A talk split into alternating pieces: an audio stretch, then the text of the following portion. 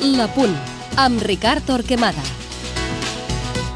El Barça visitarà diumenge un Racing sense cap pressió. L'irregular Toño, capaç del millor i del pitjor, defensarà la porteria amb la protecció d'una línia de 4. Valera desplega velocitat a la dreta i Marcano és agressiu però lent en els desplaçaments laterals a l'esquerra. A l'eix, César Navas domina el joc aeri i s'expressa amb contundència, mentre que Garay s'encarrega de netejar la sortida de la pilota. El doble pivot, Colsa cuida la posició i l'equilibri, mentre que l'Assent aprofita el seu recorregut i potència física per recuperar i participar en la combinació.